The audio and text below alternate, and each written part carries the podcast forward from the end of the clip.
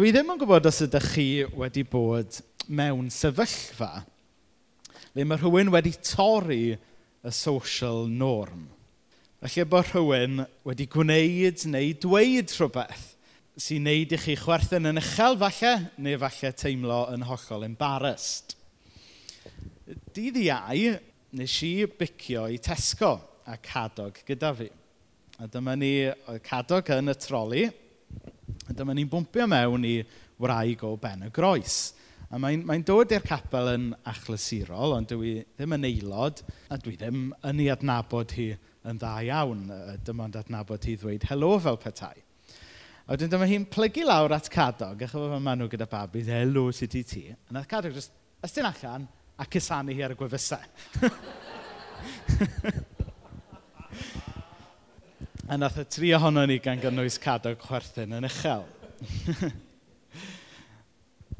Ac cadog yn neud rhywbeth out of the blue ac yn torri rhyw social norm. Ond wrth gwrs fel babi oedd e ddim yn ymwybodol bod yn gwneud hynny. Wrth gwrs mae gwaed Ffrancwr yn fe yn does. So falle mai dyna beth oedd e. Ac, ac hefyd, um, yr un diwrnod yma fi'n clywed stori ddoniol arall am, am Esther, merch um, Johan Davies, y cynweinidog. Johan yn mynd a Esther i ymweld fi'n meddwl, neu rhyw gyfarfod le oedd pobl yn gweddio. A pan oedd rhywun hanner ffordd trwy gweddio, Esther yn gweiddi amen.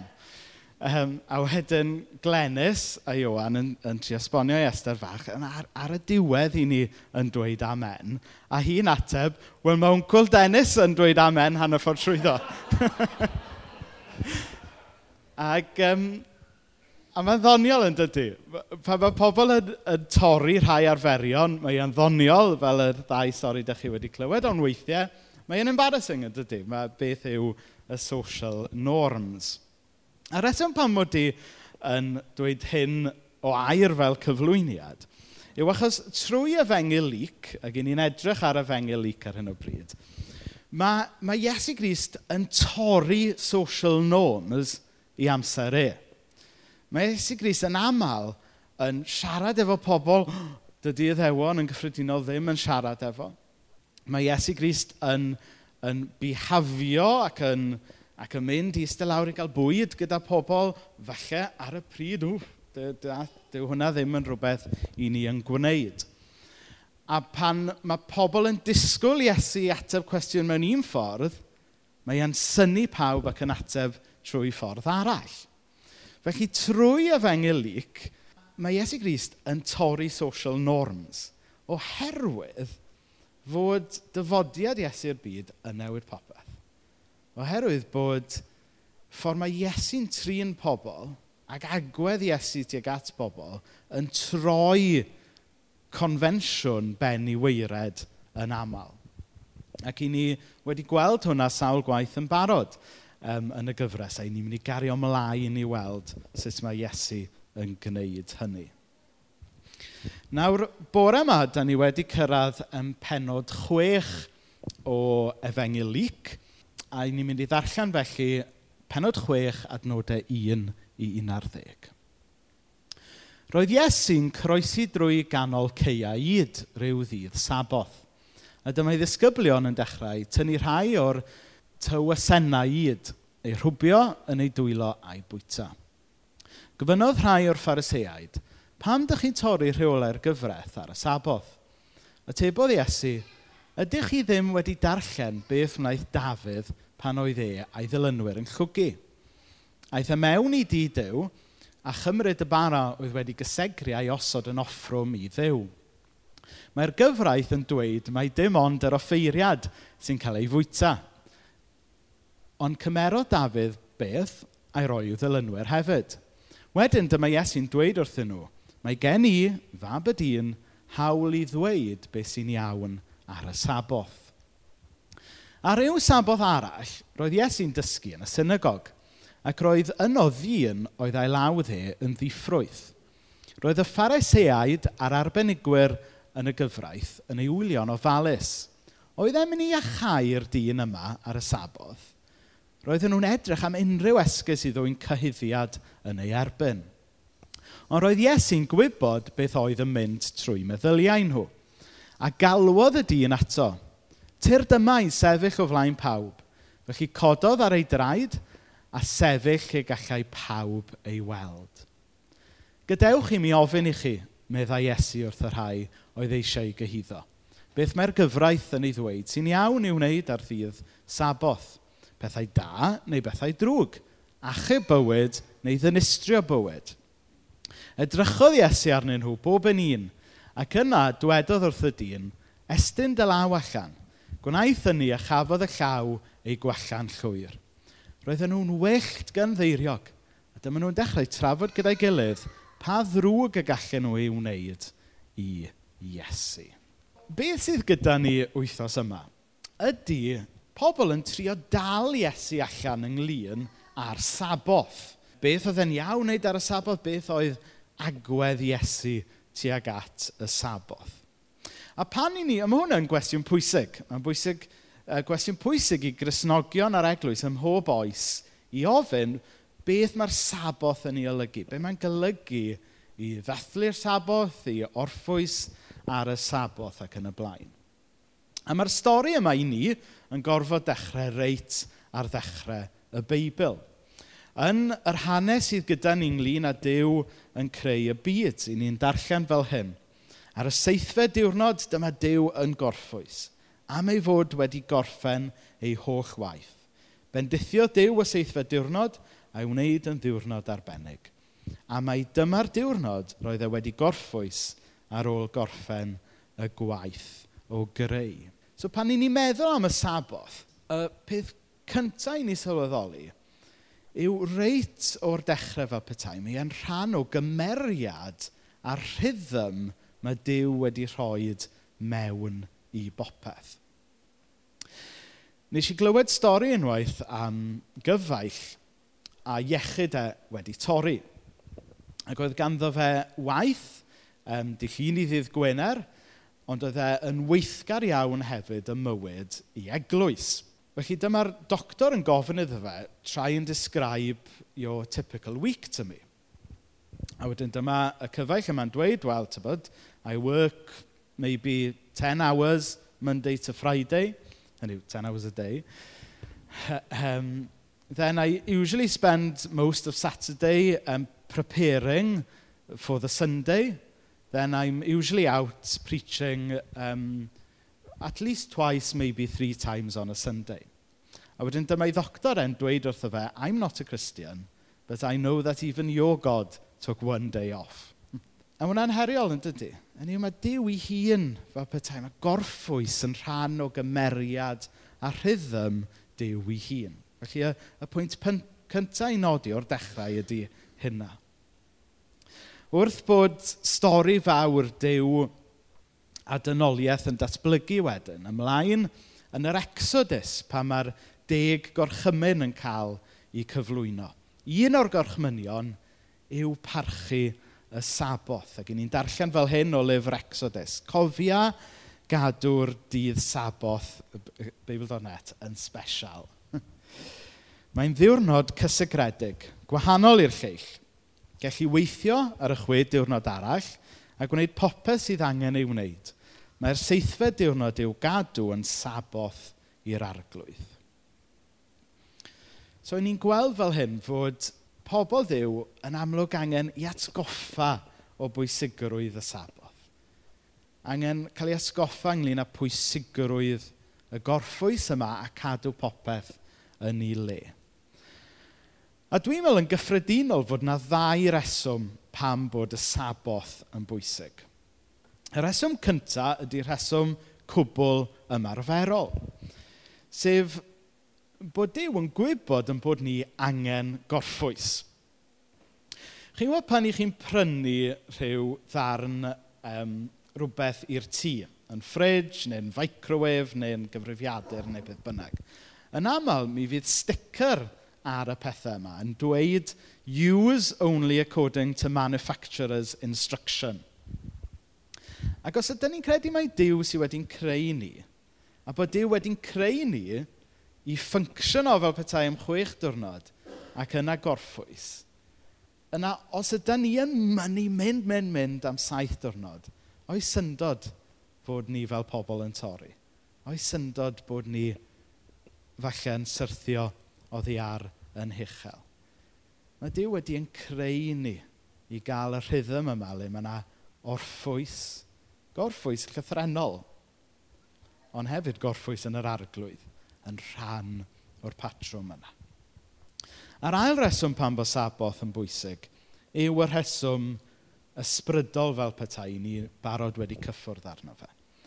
Sef bod e'n rhoi cyfle i ni addoli a gorffwys yn yr arglwydd.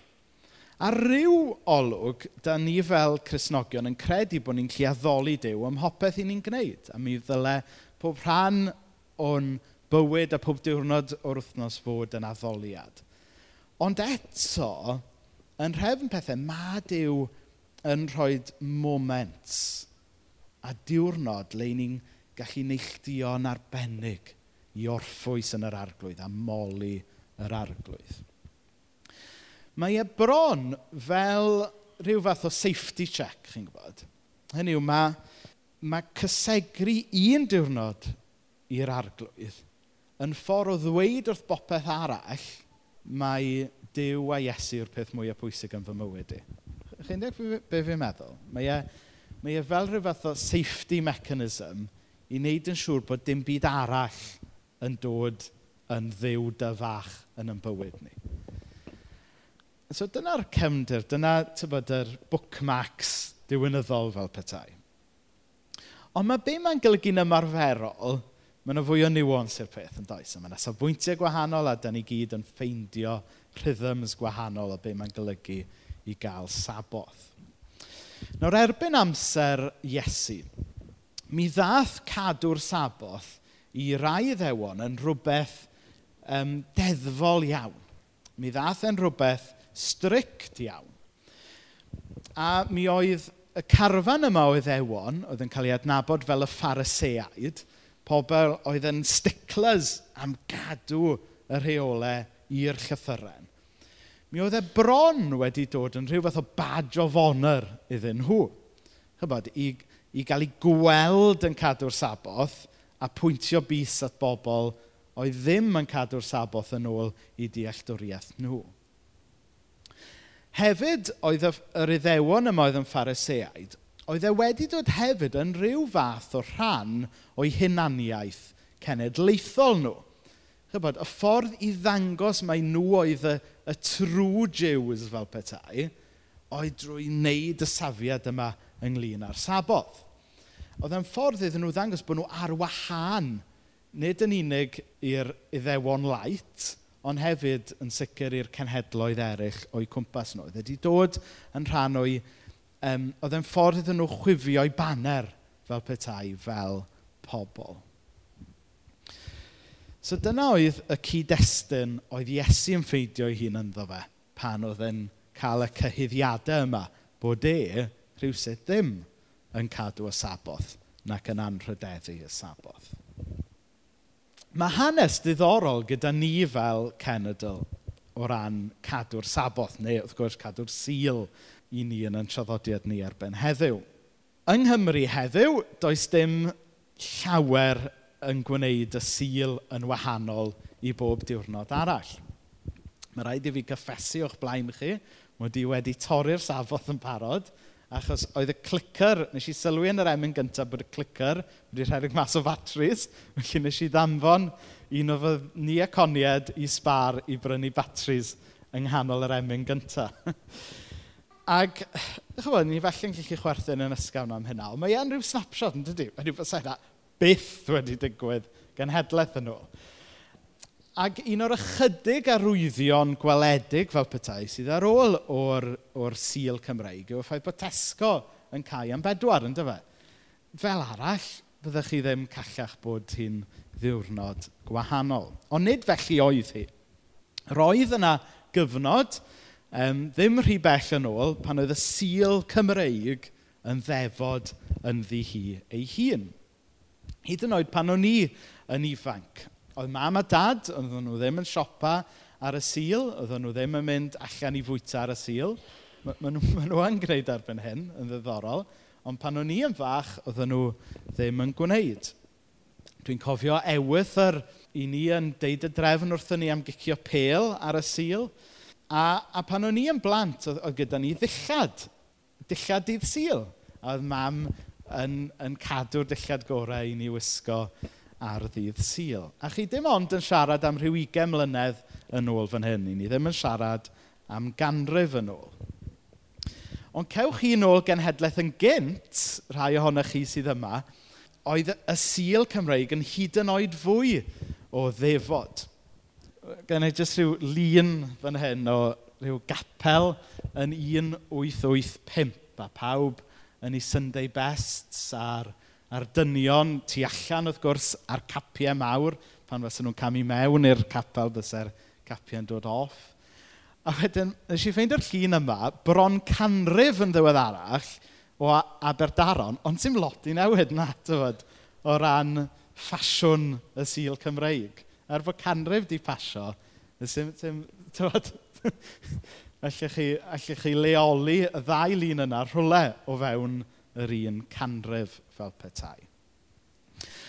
Ond dwi'n meddwl mai un o'r darluniau gorau sy'n cydio yn ysbryd oes y Sil Cymreig oedd yr referendums, y polau fiodd ynglyn â cae tyfarnau ar y Sil ers y 60au. Oherwydd yr contrast yn y sgrin, i chi methu gweld hyn, ond beth ydy'r yr um, posteri na sydd wedi cael ei roi lan ydy rhai yn ymgyrchu i gadw'r tyfarnau ar gau ar y sil gan y ddiddorol iawn mudiad adfer.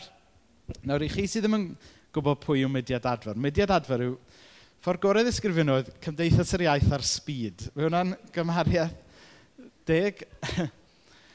Ac dy mudiad adfer, ond nhw ddim yn fudiad chrysnogol, Ond oedden nhw'n ymgyrchu gadw'r tafarnau'r gau a ddydd achos oedd e'n un ffordd i, i Gymru ac yn benodol y fro Gymraeg fod yn wahanol i bawb arall. Diddorol, ynddo fe? Sef yr union beth pam oedd y phariseaid yn gweld cadw defod y sabodd, achos nhw eisiau bod yn wahanol i bawb arall. O'r 60au ymlaen, mi, mi fuodd yna bole mewn gwahanol rannau o Gymru ynglyn â a oedd hi'n caniatau um, agor tyfarnau ar y sil. A dyma oedd y canlyniad yn 1961. Be sy'n ddiddorol eto yw fod y rhannau le, le oedd rhan fwy o siaradwyr Cymraeg wedi pleidleisio i gadw tafarnau ar gau, a rhannau fwy Saesneg o'r wlad wedi pleidleisio i agor tafarnau. Be sy'n ddiddorol ydy, twyd, y link yma, dyfa, rhwng y ddefod o'r sil Cymreig a, a crefydda fel petai ar iaith Gymraeg, a wedyn oedd ardaloedd lle pobl falle ddim yn siarad Cymraeg gymaint, ddim mor grefyddol fel petai. Ti'n eisiau darllen mwy mewn i hynna na beth fi newydd ddweud. Dwi ddim yn trio gwneud rhyw bwynt mwy. Ond mae'n ddiddorol yn dydy. Tyfo, bod, bod yr hen ffordd Gymreig o fyw a bod Cresnogaeth wedi bod yn rhan o'r hen ffordd Gymreig o fyw. Yn yr ardal yma, yn dwyfor be bynnag sef rhan o Wynedd, gathen nhw bleidlais mor ddiweddar yn 96. A dim ond pryd hynny nath dwyfor droi yn lib, fel o'n nhw'n dweud.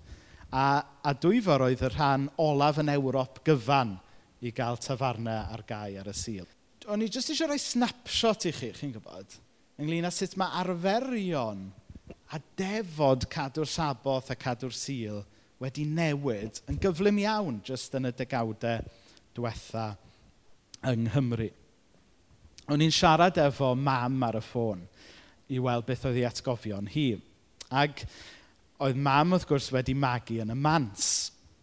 Felly oedd oedd yn bwysig, yn fwy pwysig na neb o plant y mans yn bihafio ar y sil, a dwi'n gwybod bod yna rhai o blant y mans yma mans o'n nhw'n galw tŷ y gweinidog gyda llaw, slawer dydd. Ac, um, ac oedd mam gi yn, yn wraig hyfryd iawn ac yn ddoeth iawn.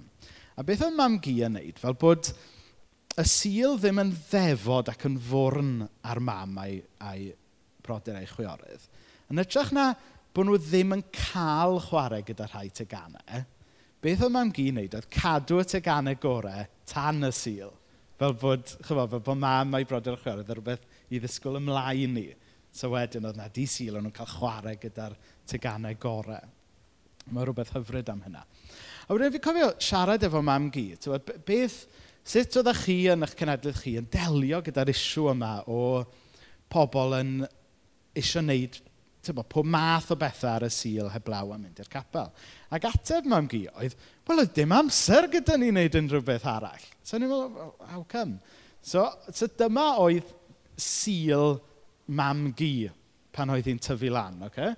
Cyfarfod gweddi am hanner awr wedi naw, oedfa bore am ddeg, adra am ginio, nôl i'r capel i ysgol sil am ddau, adra i gael te, Band of Hope, sef rhyw fath o clwb ieuenctid am bimp, oedfa nos am chwech, a wedyn um, mi fyddai pethau fel rehearsal y gymanfa ac yn y blaen wedyn ar ôl yr oedfa nos. Ag, a falle bod y math hyn o, o rhythm yn, yn hel atgofion i rhai ohonych chi. A mi oedd gan y genhedlaeth yma rhesymau da dros yr arferion yma. Mae'n hawdd i ni edrych yn wawdlyd ac yn dderornus ar a'r draddodiadau ddoi fel petai. Ond pan gath y patrymau yma i roed mewn lle, oedd y bwriadau yn gywir yn dod nhw.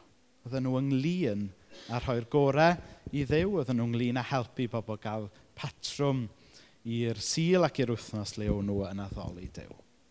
Ond yn sydyn iawn, fel popeth, mae modd i bethau sy'n cychwyn allan yn dda droi yn draddodiad i chi dim ond yn cadw fel petai. A chymod be? Mae'n bwysig bod ni fel eglwys modern yn ymwybodol o hynna. Achos er arfored i sil bod ni wedi symud o'r hym sandwich, yn sydyn iawn mae'r ma, busnes yma'n gallu dod yn fformiwlaic a dyma sut da ni yn gwneud e. So mae e dim ond yn cymryd weithiau chydig fusoedd heb sôn am chydig flynyddoedd, i rhywbeth sy'n cychwyn allan yn dda droi jyst yn arferiad fel petais. Mae'n bwysig pan ni'n ni'n meddwl ynglyn â'r saboth, bod ni'n cadw ffresni i'r peth. Bod ni wastad yn meddwl am ffordd o gadw y saboth ac addoli'r arglwydd yn ffres. Ond yn y bôn, be mae'r hanes yma ynglyn â Iesu ar y saboth yn dysgu ni? Yw mae ysbryd nid rheol y saboth sydd yn bwysig yn y diwedd mi oedd y bobl oedd yn trio dal Iesu allan, rheol y saboth, gwneud yn siŵr bod pobl yn cadw rhe, rheolau oedd yn bwysig. Ond oedd fwy o ddiddordeb gyda Iesu yn ysbryd y saboth. Yn, yn y ddau incident, na i ddarllen nhw eto, adnod un, roedd Iesu'n um, croesi drwy ganol ceiaid rhyw ddydd saboth, a dyma'i ddisgyblion yn dechrau tynnu rhai o'r tywysennau id ei rhwbio yn ei dwylo a'i bwyta. So'r broblem fan hyn oedd bod e yn paratoi bwyd ar y sil, fe a'i ddisgyblion. O chi ddim fod wneud hynna. Ond wrth gwrs, o'n nhw'n paratoi bwyd oherwydd bod na angen fel petai. A wedyn mae'n cymharu'r hanes gyda Dafydd yn yr Hen Testament yn mynd mewn i'r deml a cymryd y bwyd, nid achos bod e'n amharchu, ond oherwydd bod na angen. A wedyn yr ail enghraifft, ar ryw sabodd arall, roedd Iesu'n dysgu yn y synagogau ac roedd um, yn o ddyn oedd e law dde yn ddiffrwyth. Roedd y phariseuad a'r arbenigwyr yn y gyfraith yn ei wylio'n ofalus. Oedd e'n mynd i achau'r dyn yma ar y sabodd. Roedden nhw'n edrych am unrhyw esgus i ddwy'n ceiddiad yn ei erbyn. Estyn dy law allan, gwnaeth hynny a chafodd llaw ei gwellan llwyr. Roedden nhw'n wyllt gynddeiriog. So'r ail beth, yn yr traddodiad iddewig, oeddech chi dim ond yn cael um, trin rhywun sal ar y saboth os oedd yn fater bywyd a marwolaeth. So oedd rhywun jyst a cyflwr oedd yn gallu aros tan y diwrnod wedyn i drin o chi fod gadael e tan y diwrnod wedyn. Ond mae Iesu wrth gwrs yn iachau um, y gŵr yma. Felly, Ond wrth gwrs, be mae Iesu'n gwneud? Drwy, on the face of it, dorri'r rheol, mae o'n dal ysbryd y saboth yn dydy. Sef pwynt y saboth ydy bywyd. Pwynt y saboth ydy bywyd yn ei holl gyflawnder. Pwynt y saboth ydy cysylltu gyda'r dew sy'n rhoi nerth, sy'n rhoi bywyd, sy'n rhoi heddwch. Felly, ar, ar olwg y peth, mae Iesu falle'n torri'r rheol. mae'n torri'r rheol er mwyn gadael i bobl brofi be mae'r saboth wir amdano. Chi'n ddech beth sy'n gyda fi? A pan i ni'n meddwl ynglyn â beth yw'n arferion ni ynglyn â'r saboth, mae'n bwysig bod ni yn gofyn yr un peth. Nes i agor sgwrs ar, ar Facebook dros y dynodau diwethaf, ynglyn â beth oedd atgofion pobl ynglyn â arferion dydd syl ac yn y blaen. Ac oedd yn ddiddorol oedd gwahanol bobl yn rhannu hanesion. A wedyn, nath ffrind i fi, Steffan, sy'n weinidog yn Ne Cymru, jyst wneud y pwynt, ni gyd yn blant yn hoes, nôl i'r Beibl a ni. Dyna oedd ei comment e. Mae'n wir yn dydy. Mae mae pob cenhedlaeth yn dehongli y saboth mewn ffordd gwahanol. A be chi'n gweld yw bod pob cenhedlaeth yn gor ymateb i bwyslais y genhedlaeth cynt. A mae hwn yn mynd gyda lot o bethau ynglyn â'r ffydd grisnogol. Be sy'n bwysig ydy ysbryd y saboth. A dwi fel gweinidog ddim yn mynd i ddweitho chi yn ddi a gwyn, chi'n cael neu hyn, chi ddim yn cael neud yr llall. Be dwi eisiau chi wneud ydy pob un ohonoch chi geisio dew um, a ceisio'r arglwydd a wedyn i chi ffeindio. Sut, be mae saboth yn golygu i chi a sut i chi'n gallu gosod patrwm yn eich wythnos chi sy'n rhoi gofod a spes i chi orffwys. A pan fi'n golygu orffwys, dwi'n golygu laien. dwi'n golygu gorffwys dofn fan hyn. Y gorffwys a profi'r heddwch yna sydd i gael pan i chi'n ffeindio rhythm bywyd sydd â Iesu yn y canol. Dyma, dyna ydy y saboth. Fel o'n i'n dweud, oedd y Sil Cymreig oedd yna rhyw fath o lymder i'r peth, y ymhrofiad rhai. Wedyn falle bod y genhedlaeth nesaf wedi gor ymateb a wedi mynd i drin y Sil fel unrhyw ddiwrnod arall. Ond mae'n dda gweld fod yna duedd nawr yn, yn sicr ymhlith uh, eglwysu hyd yn oed os ddim yn y byd yn gyffredinol, o, o fynd yn ôl nawr i ddarganfod actually be mae'r saboth i gyd amdano ac i drinau fel rhywbeth arbennig unwaith eto.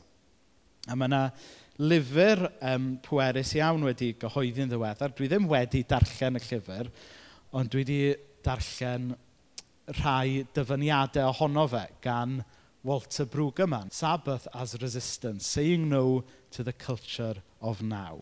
A ni jyst darllen y dyfyniad yma. In our own contemporary context of the rat race of anxiety, the celebration of Sabbath is an act of both resistance and alternative. It is resistance because it is a visible insistence that our lives are not defined by the production and consumption of commodity goods. Sabbath becomes a decisive, concrete, visible way of opting for an aligning with the God of rest. A hwnna'n bwerus dydy ac yn bwysig. Chos da ni'n byw mewn byd prysur yn dyda. Da ni'n byw mewn byd le mae y system yn trio gwasgu pob owns o egni allan ohonoch chi ac yn trio mynd â bob awr o'ch dydd. Ond mae dweud eich bod chi'n credu mewn saboth yn dweud na wrth y system yna ac yn dweud ie wrth y dew sydd yn rhoi bywyd. Y dew sydd yn dod a heddwch. Felly, be mae hwnna'n golygu yn ymarferol? Neu adlu chi drafod e yn y grwpiau ti a gyda ffrindiau. Ond newn ni orffen gyda geiriau Iesu. Gadewch i mi ofyn i chi, meddai Iesu wrth y rhai oedd eisiau gyhyddo. Beth mae'r gyfraith yn ei ddweud sy'n iawn i wneud ar ddydd saboth? Bethau da neu bethau drwg? Achub bywyd neu ddinistrio bywyd? Felly, newn ni ddilyn arweiniad Iesu a mynd ar ôl ysbryd y saboth, nid dim ond y ddeddf. Er mwyn i enw, amen.